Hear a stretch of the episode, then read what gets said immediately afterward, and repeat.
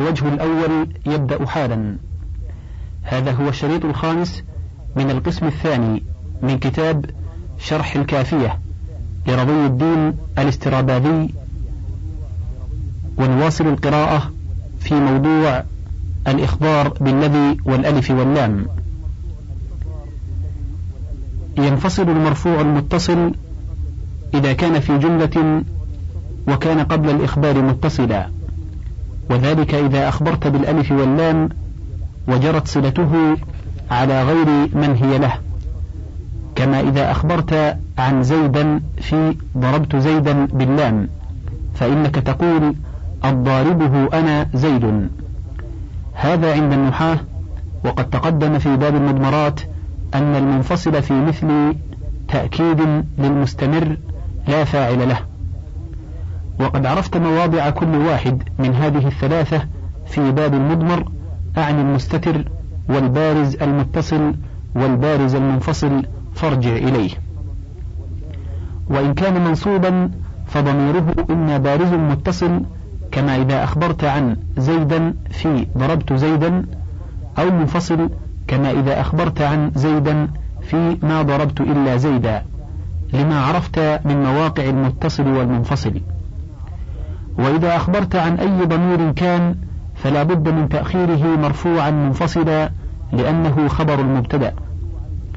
ثم اعلم أنك إذا أخبرت عن ضمير المتكلم والمخاطب فلا بد أن يكون الضمير القائم مقامه غائبا لرجوعه إلى الموصول وهو غائب كما إذا أخبرت عن أحد ضميري ضربتك ولا يجوز الحمل على المعنى كما في أنا الذي سمتني أمي حيدرة لعدم الفائدة فلا تقول في الإخبار عن تاء ضربتك الذي ضربتك أنا ولا في الإخبار عن الكاف الذي ضربتك أنت. فليس إذا كقوله أنا أنت القاتل أنت أنا بصحيح الإخبار عن اللام على ما تقدمت الإشارة إليه. وإنما اختاروا الإخبار بالذي دون من وما وأي وسائر الموصولات لأنها أم الباب وهو أكثر استعمالا ولا يكون إلا موصولا. وأما الإخبار بالألف واللام فاختاروه أيضا لكثرة التغيير معه بسبك الفعل اسم فاعل أو مفعول وإبراز الضمير كما في الضاربه أنا زيد في ضربت زيدا حتى تحصل الدربة فيه أكثر. ولنذكر حكم الإخبار في التنازع فإن فيه بعض الإشكال فنقول الأولى في باب التنازع ألا يغير الترتيب ويراعى ترتيب المتنازعين على حالهما ما أمكن لما مر في بيان حقيقة الإخبار من أنك لا تغير الجملة المتضمنة للمخبر عنه إلا إذا اضطررت إليه. فإذا وجه العاملان من جهة الفاعلية وأعمل الثاني نحو ضرب وأكرم زيد قلت مخبرا بالذي عن المتنازع فيه الذي ضرب وأكرم زيد قام مقام زيد ضمير فاستتر في أكرم والضمير في ضرب أيضا. يرجع إلى الذي وقد كان قبل راجعا إلى زيد. إذ لم يكن ها هنا تنازع الفعلين في الضمير القائم مقام المخبر عنه كما كان في المخبر عنه لما ذكرنا في باب التنازع أنه لا تنازع في الضمير المتصل. وتقول بالألف واللام عند الرماني وابن السراج وجماعة من المتأخرين الضارب وأكرم زيد. عطفت الفعل الصريح وهو أكرم على ضارب لأنه أيضا فعل لكن في صورة الاسم على ما قدمنا. والأخفش يدخل اللام في مثله على الفعلين ويأتي بالمخبر عنه في الأخير خبرا عن الموصولين فيقول الضارب والمكرم زيد كما يقول العاقل والكريم زيد. وكأنه في الأصل من باب عطف الصفة على الصفة لأن العاقل موصوفه مقدر فهو مثل قوله إلى الملك القرن وابن الهمام وليث الكتيبة في المزدحم. وعزى الرماني إلى المازني وليس في كتابه أنه يجعل الكلام جملتين اسميتين كما كان في الأصل فعليتين لأن المبتدأ والخبر نظير الفعل والفاعل. فنقول في مسألتنا عند إعمال الثاني الضارب هو والمكرم زيد. وأول المذاهب أولى لأنه أقل تغييرا ثم الثاني أولى من الثالث لمثل ذلك وما ذكر من قصد التشاكل بالإتيان بالاسميتين في الفرع مكان الفعليتين في الأصل فإما لا يرجح به على المذهب الأول. إذ عطف الفعلية على الفعلية فيه باق في الحقيقة مع قلة التغيير. وأما أبو الحسن فله أن يقول الجملتان في الأصل صارتا كالواحدة من حيث كون المتنازع فيه كجزء كل واحدة منهما فهو الرابط بينهما. وإن أعملت الأول في مسألتنا قلت أيضا في الإخبار بالذي الذي ضرب وأكرم زيد جعلت مقام زيد ضميرا فاستتر في ضرب لأن الغرض أنه فاعله. وكذا في الإخبار بالألف واللام نحو الضارب وأكرم زيد. وعند الأخفش الضارب والمكرم زيد. وقياس قول المازني الضارب والمكرم هو زيد لتكون الإسمية معطوفة على الإسمية بين جزئي المعطوف عليها كما كان في الأصل الفعلية معطوفة على الفعلية بين جزئيها. وإذا وجه العاملان من جهة المفعولية وأعمل الثاني نحو ضربت وأكرمت زيدا قلت مخبرا عن التاء الأولى بالذي الذي ضرب وأكرم زيدا أنا. وإنما جعلت تاء أكرمت أيضا ضمير غائب وإن كان المخبر عنه هو التاء في الجملة الأولى فقط لأن الثانية عطف على الأولى فلا بد فيها أيضا من ضمير راجع إلى الموصول وقد تقدم أن الموصول إذا كان مبتدأ وهو متكلم أو مخاطب من حيث المعنى لم يجز حمل الضمير على المعنى. فلا يقال الذي ذهبت أنا. لعدم فائدة الإخبار والتنازع ها هنا باق على حاله لجواز انتصاب زيدا بضرب وقولك أكرم وانفصل بين بعض الصلة وبعض إلا أنه ليس بأجنبي كما يجيء في هذا الباب. وتقول مخبرا باللام الضارب وأكرم زيدا أنا. وعند الأخفش الضارب والمكرم زيدا أنا. والتنازع غير باق لأن زيدا لا يجوز انتصابه بضارب إذ لا يعطف على الموصول مع بقاء بعض الصلة. وقياس قول المازني الضارب أنا والمكرم زيدا أنا.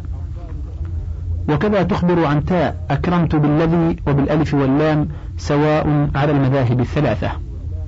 وتقول في الإخبار عن زيد بالذي الذي ضربت وأكرمته زيد وبالألف واللام الضاربه أنا وأكرمته زيد أبرزت ضمير المفعول في الضاربه وإن كان محذوف في الأصل لأن ضمير الألف واللام لا يحذف كما ذكرنا. وأبرزت أنا لجري الصفة على غير من هي له. وبعض المتقدمين يحذف ضمير اللام في مثله نظرا إلى الأصل. وتقول على مذهب الأخفش الضاربه أنا والمكرمه أنا زيد وعند المازني الضارب أنا على أنه مبتدأ وخبر والمكرمه أنا زيد جملة معطوفة على جملة أخرى. وتقول في هذه المسألة إذا أعمل الأول نحو ضربت وأكرمته زيدا بإبراز الهاء في أكرمته على المختار كما مر في باب التنازع مخبرا عن التاء الأولى بالذي الذي ضرب وأكرمه زيدا أنا وبالألف واللام الضارب وأكرمه زيدا أنا. والتنازع باق في الموضعين وعند الأخفش الضارب زيدا والمكرمه أنا. قدمت زيدا إلى جنب عامله إذ لا يعطف على الموصول مع بقاء بعض صلته وعند المازني الضارب زيدا أنا والمكرمه أنا. والإخبار عن تاء أكرمت كالإخبار عن تاء ضربت سواء عند كلهم. وأما الإخبار عن زيدا بالذي فتقول فيه الذي ضربته وأكرمته زيد. تصل الضمير القائم مقام زيد بعامله لعدم ما يوجب انفصاله. لعدم لعدم ما يوجب انفصاله. وكذا بالألف واللام. الضاربه أنا وأكرمته. زيد. الهاء في الضاربه هو الضمير القائم مقام زيد. وأبرزت أنا لجري الصفة على غير صاحبها. وعند الأخفش الضاربه أنا والمكرمه أنا زيد وعند المازني الضاربه أنا والمكرمه أنا هو زيد وزيد خبر للضاربه, للضاربه لأنه كان في الأصل مفعول ضربت والجملة المعطوفة أعني المكرمه متوسطة بين جزئي المعطوف عليها. وتقول في ضربني وضربت زيدا عند إعمال الثاني مخبرا عن الياء أو التاء بالذي الذي ضربه وضرب زيدا أنا ولا تقول ضربني ولا ضربت لما مر والتنازع باق على حاله. وتقول في التثنية على مذهب البصريين الذي ضرباه وضرب الزيدين أنا وعند الكسائي الذي ضربه وضرب الزيدين أنا بحذف الفاعل. وتقول بالألف واللام الضاربه هو وضرب زيدا أنا أبرزت هو لجري الصفة على غير صاحبها والتنازع باق. وعلى مذهب الأخفش الضاربه هو والضارب زيد أنا والأولى أن يقال الضاربه زيد لأن الإضمار قبل الذكر وإنما جاز في الأصل لكونه من باب التنازع مع مخالفة الكسائي فيه أيضا وليس بقياس في جميع المواضع. وعند المازني في الإخبار عن الياء الضاربه هو أنا والضارب زيدا أنا والأولى أن يقال الضاربه زيد لما ذكرنا وفي الإخبار عن التاء الضارب هو مبتدأ وخبر والضارب زيدا أنا والأولى الضارب زيد لما مر. وإن أخبرت عن زيدا بالذي قلت الذي ضربني وضربته زيد لا يمكن بقاء التنازع إذ لا تنازع في ضمير متصل كما مر. وبالألف واللام الضارب وضربته زيد. وعند الأخفش الضارب والضاربه أنا زيد بإبراز أنا لجر ضاربه على غير من هو له. وعند المازني الضارب هو والأولى الضارب زيد والضاربه أنا زيد. وإن عملت الأول والمختار ضرب ضربتني وضربتها هند بإظهار ضمير المفعول كما مر في باب التنازع. قلت في الإخبار عن الياء أو التاء بالذي الذي ضربته وضربها هند أنا والتنازع باق. وبالألف واللام الضاربته وضربها هند أنا فاعل ضاربته وعند الأخفش الضاربته هند والضاربها أنا قدمت هندا إلى جنب عامله لئلا يفصل بين بعض الصلة وبعض بالأجنبي. وعند المازني الضاربته هند أنا والضاربها أنا. وفي الإخبار عن هند بالتي التي ضربتني وضربتها هند. وبالألف واللام الضاربة والضاربها أنا هند. وتقول مخبرا عن التاء أو الياء في ضربتني وضربت هند. عند إعمال الثاني الذي ضرب وضربته هند أنا. ولا يجوز ضربتني لما تقدم.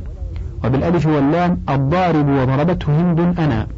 وعند الأخفش الضارب والضاربته هند أنا. ويقول المازني مخبرا عن التاء الضارب والضاربة هند أنا والضارب مبتدأ وأنا خبره. وعن الواء الضارب أنا والضاربة هند أنا. وإن أخبرت عن هند قلت التي ضربت وضربتني هند والضاربها أنا وضربتني هند. أظهرت المفعول في ضاربها لأن عائد الموصول لا يحدث وبعض المتقدمين يحذفه مراعاة للأصل. وأبرزت أنا لجري الصفة على غير صاحبها. وعند الأخفش الضاربها أنا والضاربة هند وعند المازني الضارب أنا على أنه مبتدأ وخبر والضاربة هند. وإن عملت الأول قلت مخبرا بالذي عن التاء أو الياء الذي ضرب وضربته هند أنا وبالألف واللام الضارب وضربته هند أنا. والتنازع باق فيهما. وعند الأخفش الضارب هندا والضاربته هي أنا بتقديم هندا إلى جنب عامله كما مر ويقول المازني مخبرا عن التاء الضارب هندا والضاربة هي أنا وأنا خبر الضارب وعن الياء الضارب هندا أنا والضاربته هي أنا. وتقول مخبرا عن هندا بالتي التي ضربتها وضربتني هند وباللام الضاربها أنا وضربتني هند وعند الأخفش الضاربها أنا والضاربة هند. وعند المازني الضاربها أنا والضاربة هي هند وهند خبر الضاربها. وتقول في أعطيت وأعطاني زيد درهما مخبرا عن التاء أو الياء بالذي الذي أعطى وأعطاه زيد درهما أنا وباللام المعطي وأعطاه زيد درهما أنا والتنازع باق في الصورتين. وعند الأخفش المعطي والمعطيه زيد درهما أنا.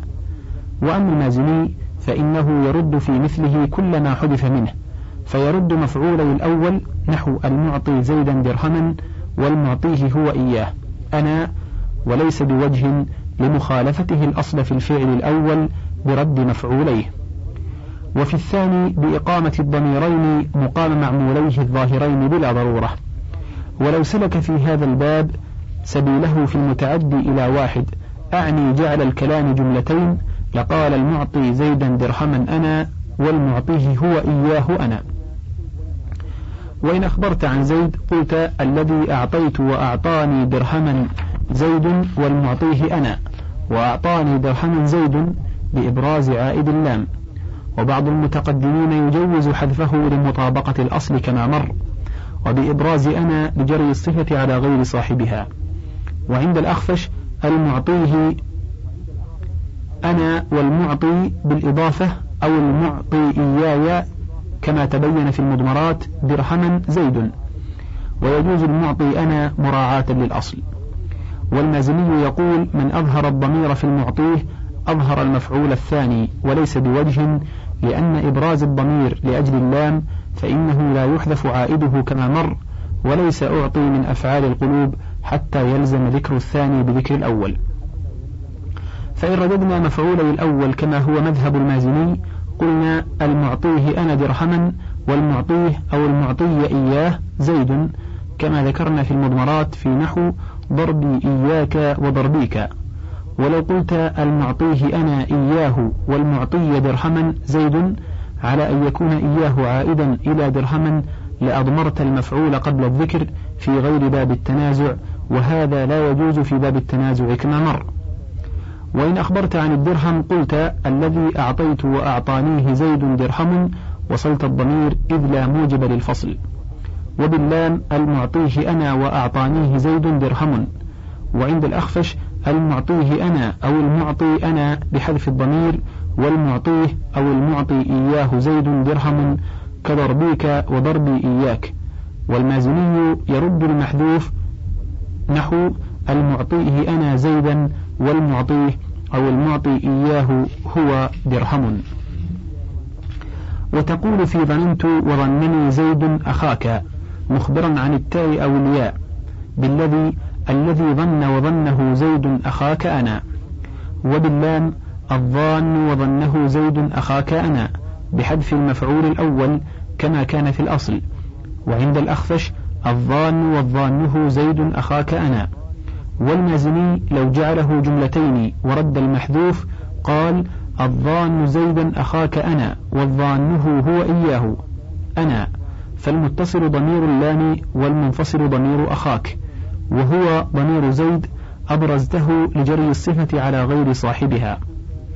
وإن أخبرت عن زيد قلت الذي ظننت وظنني أخاك زيد. والظانه أنا أخاك وظنني إياه أو ظننيه زيد. نحو خلتكه وخلتك إياه على ما مضى في المضمرات. أظهرت ضمير المفعول في في الظانه لكونه ضمير اللام فلا يحذف وبعضهم يحذفه مراعاة للأصل. وأظهرت ثاني مفعول الظانه لأن أفعال القلوب يجب في الأغلب بذكر أحد مفعوليها ذكر الآخر. وأبرزت أنا لجري الصفة على غير صاحبها. وعند الأخفش الظانه أنا أخاك والظانيه أو الظاني إياه زيد. وإن أخبرت عن أخاك قلت الذي ظننت وظننيه زيد أو ظنني زيد إياه أخوك. والظان أنا زيدا إياه وظننيه أو ظنني إياه أخوك. وأجاز بعضهم الظانه أنا زيدا والأولى أنه لا يجوز ذلك لما ذكرنا في باب الضمائر أن ثاني المفعولين يجب انفصاله عند الالتباس بأولهما. وعند الأخفش الظان أنا زيدا إياه والظاني هو إياه أخوك أو الظانيه هو أخوك كما مر في خلتكه وضربيك. وإبراز الضمير في الظانيه هو والظاني إياه لكون الصفة لله لألف واللام التي هي الأخ والضمير لزيد وزيد وإن كان الأخ من حيث المعنى لكن المعاملة مع ظاهر اللفظ في هذا الباب. وتقول في أعلمت وأعلمني زيد عمرا منطلقا مخبرا عن التاء أولياء بالذي الذي أعلم وأعلمه زيد عمرا منطلقا أنا. وباللام المعلم وأعلمه زيد عمرا منطلقا أنا. وعند الأخفش المعلم والمعلمه زيد عمرا منطلقا أنا. وإن أخبرت عن زيد بالذي قلت الذي أعلمت وأعلمني عمرا منطلقا زيد وباللام المعلمه أنا وأعلمني عمرا منطلقا زيد. هذا عندما يجيز الاقتصار على المفعول الأول. وعند سيبويه المعلمه أنا عمرا منطلقا وأعلمنيه إياه زيد. وعند الأخفش المعلمه أنا والمعلمي عمرا منطلقا زيد. إذا اقتصر على أول المفاعيل وإن لم يقتصر فالمعلمه أنا عمرا منطلقا والمعلمي إياه إياه زيد. فإياه الأول لعمر والثاني لمنطلقا. ويجوز المعلميه إياه زيد. نحو ضربيك وضربي إياك. وإن أخبرت عن عمرو بالذي قلت الذي أعلمت وأعلمنيه زيد منطلقا عمرو. وباللام المعلم أنا زيد إياه منطلقا وأعلمنيه إياه زيد عمرو. أبرزت أنا لجري الصفة على غير صاحبها. وإياه ضمير اللام. لم يجز حذفه لأن عائد اللام لا يحذف على الأصح. وجعلته منفصلا إذ لو قدمته ووصلته بالمعلم فقلت المعلمه أنا لالتبس بالمفعول الأول كما مر في مفعول ما لم يسمى فاعله. وإنما ذكرت منطلقا لأن ذكر الثاني في هذا الباب يوجب ذكر الثالث. قيل وجب هنا ذكر المفعول الأول أعني زيدا لئلا يلتبس الثاني بالأول. ولقائل أن يقول إذا ذكرت في هذا الباب مفعولين فقط لم يجز أن يكون أحدهما الأول والثاني أحد الباقيين لأن ذكر أحد الباقيين يوجب ذكر الثاني فيتعين أن المفعولين هما الثاني والثالث بلى يمكن أن يقال وجب ها هنا ذكر الأول ليتبين من أول الأمر أن الضمير ليس المفعول الأول. وتقول على مذهب الأخفش المعلم أنا زيدا إياه منطلقا والمعلم هو إياه إياه عمرو فإياه الذي بعد هو ضمير اللام وهو القائم مقام عمرو المخبر عنه والثاني ضمير منطلقا. وإن أخبرت عن منطلقا بالذي قلت الذي أعلمت وأعلمني زيد إياه منطلق والمعلم أنا زيدا عمرا إياه وأعلمني إياه منطلق. أبرزت أنا لجري الصفة على غير صاحبها وفصلت الضمير العائد إلى اللام أعني إياه الذي بعد عمرا لئلا يلتبس لو اتصل بالمفعول الأول. وذكرت الثاني أعني عمرا لذكرك الثالث أعني ضمير اللام. وأما ذكر الأول أعني زيدا ففيه النظر المذكور ويجوز أعلمنيه إياه. وعند الأخفش المعلم أنا زيدا عمرا إياه والمعلمي هو إياه منطلق أو المعلميه إياه هو وإنما أبرزت هو لجري الصفة على غير صاحبها. وهذا القدر من التمرين كاف لمن له بصيرة. عنوان استعمالات ما الاسمية. قوله وما الاسمية موصولة واستفهامية وشرطية وموصوفة وتامة بمعنى شيء وصفة. لما كان في المبنيات ما يوافق لفظه لفظ الموصول لم يجعل له باب برأسه بل بين في ضمن الموصولات كما بين ما وافق اسم الفعل في اللفظ من المبنيات في أسماء الأفعال كباب فجاري وباب فساقي وباب قطامي الموافقة لباب نزالي ولولا قصد الاختصار ورعاية المناسبة اللفظية لكان القياس يقتضي أن تجعل أبوابا برأسها. فمنها ما؟ قوله وما الاسمية؟ اعلم أن ما تكون حرفية أيضا وهي حينئذ على أقسام أيضا. ولما كان هو في قسم الأسماء تعرض لأقسام ما الاسمية وترك أقسام الحرفية إلى قسم الحروف. قوله موصولة كما ذكرنا والاستفهامية نحو ما صناعتك وما صنعت ويدخلها معنى التحقير كقوله ما أنت ويد أبيك والفخر. ومعنى التعظيم كقوله يا سيدا ما أنت من سيد والحاقة ما الحاقة. ومعنى الإنكار نحو فيما أنت من ذكراها أي لا تذكرها على أحد التأويلات. وقد تحذف ألف ما الاستفهامية في الأغلب عند انجرارها بحرف جر أو مضاف وذلك لأن لها صدر الكلام لكونه استفهاما. ولم يمكن تأخير الجار عنها فقدم عليها وركب معها حتى يصير المجموع ككلمة واحدة موضوعة للاستفهام فلا يسقط الاستفهام عن الصدر. وجعل حذف الألف دليل التركيب ولم يحذف آخر من وكم الاستفهاميتين مجرورتين لكونه حرفا صحيحا ولا آخر أي لجريه مجرى الصحيح في تحمل الحركات. وقد جاء الألف ثابتا قال على ما قام يشتمني لئيم كخنزير تمرغ في رمادي. وإذا جاء ذا بعد ما الاستفهامية لم تحذف ألفها نحو بماذا تشتغل؟ وذلك لأن ذا لما لم تثبت زيادته ولا كونه موصولا إلا مع ما صار ما مع ذا ككلمة واحدة فصار الألف كأنه في وسط الكلمة والحذف قليل في الوسط لتحصنه من الحوادث ولذا لم يحذف الألف من ما الشرطية المجرورة وإن شاركت الاستفهامية في التصدر في نحو ما تصنع أصنع. والنكرة الموصوفة إما بالمفرد نحو. مررت بما معجب لك وإما بجملة كقوله. ربما تكره النفوس من الأمر له فرجة كحل العقال. وجاز أن تكون ماها هنا كافة كما في قوله تعالى ربما يود الذين كفروا. قال المصنف إلا أن النحاة اختاروا كونها موصوفة لئلا يلزم حذف الموصوف وإقامة الجار والمجرور. وهو من الأمر مقامة وذلك قليل إلا بالشرط المذكور في باب الصفة.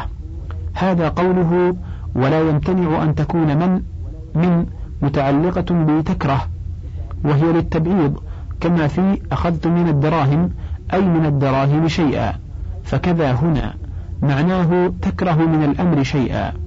وقوله له فرجة صفة للأمر لأن اللام غير مقصود قصده ويجوز أيضا تضمين تكره معنى تشمئز وتنقبض ويعني بالتامة نكرة غير موصوفة وذلك نحو من التعجبية عند سيبويه نعم ما هي أي نعم شيئا هي عند الزمخشري وأبي علي. وتكون أيضا ما معرفة تامة أي غير موصوفة ولا موصولة عند سيبويه بمعنى الشيء. قال في فنعم ما هي أي نعم الشيء هي. وكذا في دققته دقا نعما أي نعم الشيء ونعم الدق. وما المصدرية حرف عند سيبويه اسم موصول عند الأخفش والرماني والمبرد كما مر قبل. وأما الذي المصدرية فلا خلاف في اسميتها للام فيها نحو قول علي رضي الله عنه في النهج نزلت أنفسهم منهم في البلاء كالذي نزلت في الرخاء أي نزولا كالنزول الذي نزلته في الرخاء. قوله وصفه اختلف فيما التي تلي النكرة لإفادة الإبهام والتنكير. فقال بعضهم اسم فمعنى قوله تعالى مثلا ما أي مثل. وقال بعضهم زائدة فتكون حرفا. لأن زيادة الحروف أولى من زيادة الأسماء لاستبدادها بالجزئية ولهذا استعظم الخليل وتعجب من الفصل لكونه اسما زيد لفائدة الفصل وأيضا ثبتت زيادتها نحو فبما رحمة من الله ووصفيتها لم تثبت فالحمل على ما ثبت في موضع الالتباس أولى.